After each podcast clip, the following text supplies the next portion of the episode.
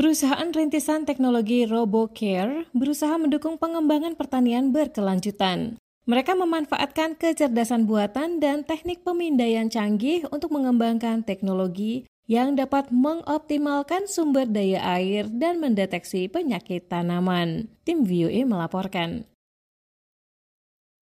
Menurut salah satu pendiri RoboCare, Iman Biri, teknologi yang dikembangkannya dapat memprediksi penyakit tanaman dan menentukan tanaman mana yang kekurangan atau kelebihan air. RoboCare تحل مشاكل الفلاح باستعمال التقنيات الحديثة والذكاء الاصطناعي وذلك من خلال اللي هي RoboCare memberikan solusi kepada petani dengan menawarkan teknologi modern yang mengandalkan kecerdasan buatan dengan memanfaatkan kamera spektral yang dipasang di drone kami bisa memotret dan mengevaluasi kondisi semua tanaman.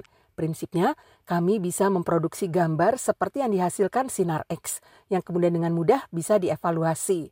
Karena menggunakan drone, teknologi memungkinkan petani memantau lahannya yang luas, meneliti kemungkinan adanya gangguan atau penyakit, dan mengambil tindakan yang diperlukan sesegera mungkin.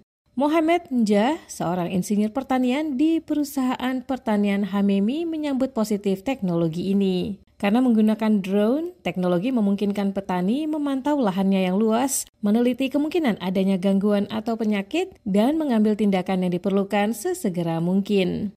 Mohamed Njah, seorang insinyur pertanian di perusahaan pertanian Hamemi menyambut positif teknologi ini. بالنسبة للفلاح إذا هو فيكو معناتها المارج متاعه من عام لعام قد ال se diminue معناتها Margin keuntungan petani saat ini terus menurun dari tahun ke tahun. Bila Anda tidak memantau pemupukan atau proses irigasi, tidak melakukan analisis dan tidak mengambil tindakan, bisnis Anda tidak akan bertahan lama.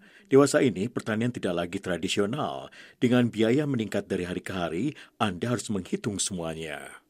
RoboCare didirikan pada tahun 2020. Menurut Biri, teknologi yang dikembangkan perusahaannya awalnya menawarkan solusi untuk mengatasi penyebaran penyakit yang cepat pada tanaman di rumah kaca, mengefisienkan penggunaan pestisida, dan menghemat penggunaan air untuk irigasi. Namun kemudian teknologi ini dikembangkannya untuk bisa digunakan pada pertanian skala luas. Tunisia mengalami kekeringan yang berkepanjangan. Sumber-sumber air diperkirakan akan menyusut dan frekuensi kebakaran diperkirakan akan meningkat selama dekade berikutnya. Pertanian merupakan sektor yang paling banyak menyerap air. Sebuah studi memperkirakan sektor itu menyedot 80% air yang tersedia. Tak heran bila belakangan berbagai usaha digelar untuk mengatasi kebutuhan air. Beery dari RoboCare mengatakan, من أهم أهدافنا اللي احنا نوصلوا لأكبر عدد ممكن من الفلاحة اللي هو بالإضافة إلى المعرفة متاعهم بالأرض والتربة والإكسبيرينس الكبيرة Salah satu tujuan terpenting kami adalah mengajak sebanyak mungkin petani untuk memanfaatkan teknologi ini.